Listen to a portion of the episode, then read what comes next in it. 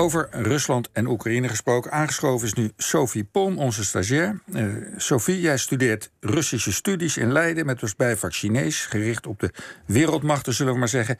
En je bent voor OVT met een blog begonnen. Uh, die is inmiddels op onze site te, uh, te vinden. vertel even, die blog. Ehm, wat doe je daar precies in? Nou ja, ik studeer dus Russisch, zoals je zegt. En um, ik wilde graag iets doen met wat er nu in het Russisch wordt gezegd en geschreven over de oorlog in Oekraïne. En ook over de onderdrukking die in Rusland uh, ja, heel erg wordt opgevoerd. En um, daarbij wilde ik juist kijken naar niet wat er in de grote staatspropaganda verschijnt, maar juist uh, hoe de, ja, eigenlijk de steeds zeldzaam wordende uh, kritische geluiden klinken in Rusland. Um, en, want ook al worden die ja, het is moeilijk om die überhaupt nog te horen in Rusland. Ze zijn er nog wel. En het is heel interessant om te kijken wat voor analyses daar nog worden gemaakt. En ook hoe die nog worden gemaakt. Want je ziet dat mensen heel erg op zoek moeten gaan naar creatieve manieren om uh, nog commentaar te leveren op het regime. En dat ze daarbij vaak teruggrijpen op de geschiedenis. Of uh, ja, op zoek gaan naar de flexibiliteit van de Russische taal. Om daar nog manieren te vinden om uh, kritiek te leveren. Ja, en hoe doen ze dat dan met die taal? Dat, nou ja, kan je daar een voorbeeld van geven? Ja, ja. Um, je ziet bijvoorbeeld, mijn, mijn eerste blog ging over een uh, artikel uh, waarin een uh, journalist heel erg zijn bewondering uitspreekt voor een, een kunstenaar die ten tijde van de Sovjet-Unie een manier vond om de censuur van de Sovjet-Unie te omzeilen. Juist door een heel nieuw soort taal te gebruiken. Dus niet de bekende literaire, mooie gedragen taal, maar hij hij uh, gebruikte hele, een heel ander jargon. Eigenlijk een helemaal heel niet, niet literair jargon. Wat nog niet besmet was door de, door de censuur.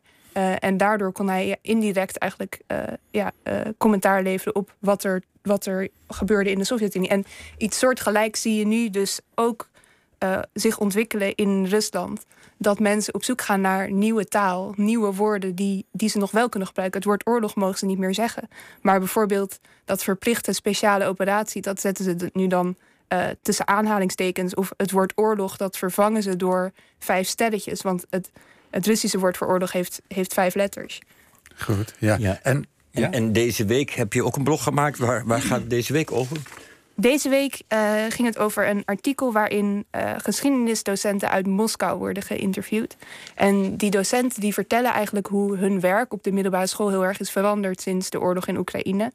Um, want uh, ze krijgen heel veel vragen van hun leerlingen uit de klas over wat er nu gebeurt. En zowel in Oekraïne als hoe de Russische, de samenleving verandert. Um, en tegelijkertijd ervaren ze hele heftige druk van het Kremlin over welk verhaal ze moet vertellen over de geschiedenis, het verhaal van Poetin. Um, en dat is niet altijd het verhaal wat ze willen vertellen. Dus gaan ze, proberen ze aan de hand van uh, door het verleden te bespreken, dus hoe oorlog in het verleden heeft gewerkt, maar ook hoe ja, het mechanisme van onderdrukking in het verleden werkte. Door dat te bespreken, uh, ja, leveren ze eigenlijk indirect kritiek, kritiek op het nu. En nou denk ik niet dat, dat, heel, ja, dat heel veel Russische leraren dat aandurven. Want er is een goed, super groot risico dat je wordt ontslagen of erger. Uh, dus dat zal niet zo heel breed gedragen zijn. Maar het feit dat Russische leerlingen vragen stellen en dat er überhaupt spanning is in de maatschappij, dat is iets wat wel heel relevant is en ja. wat je bijna zou vergeten als je naar de staatspropaganda ik, ik kom in je blog tegen. Het is echt een aanrader voor iedereen die op de hoogte wil worden gehouden van dingen die je in de normale pers niet leest. Laten we daar even heel duidelijk in zijn.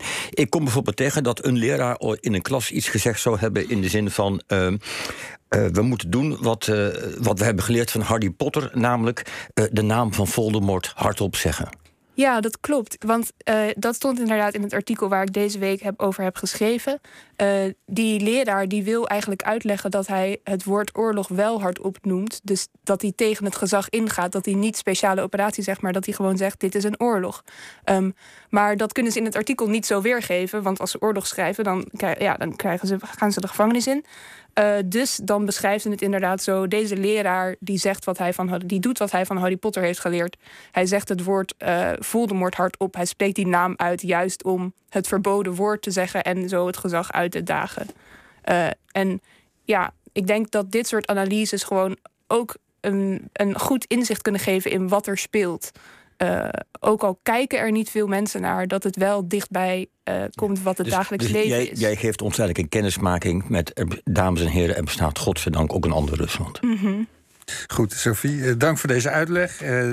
Jij gaat door met deze blogs maken en die Russische publicaties volgen op internet. En ze zijn terug te lezen op onze website www.vpro.nl/ovt.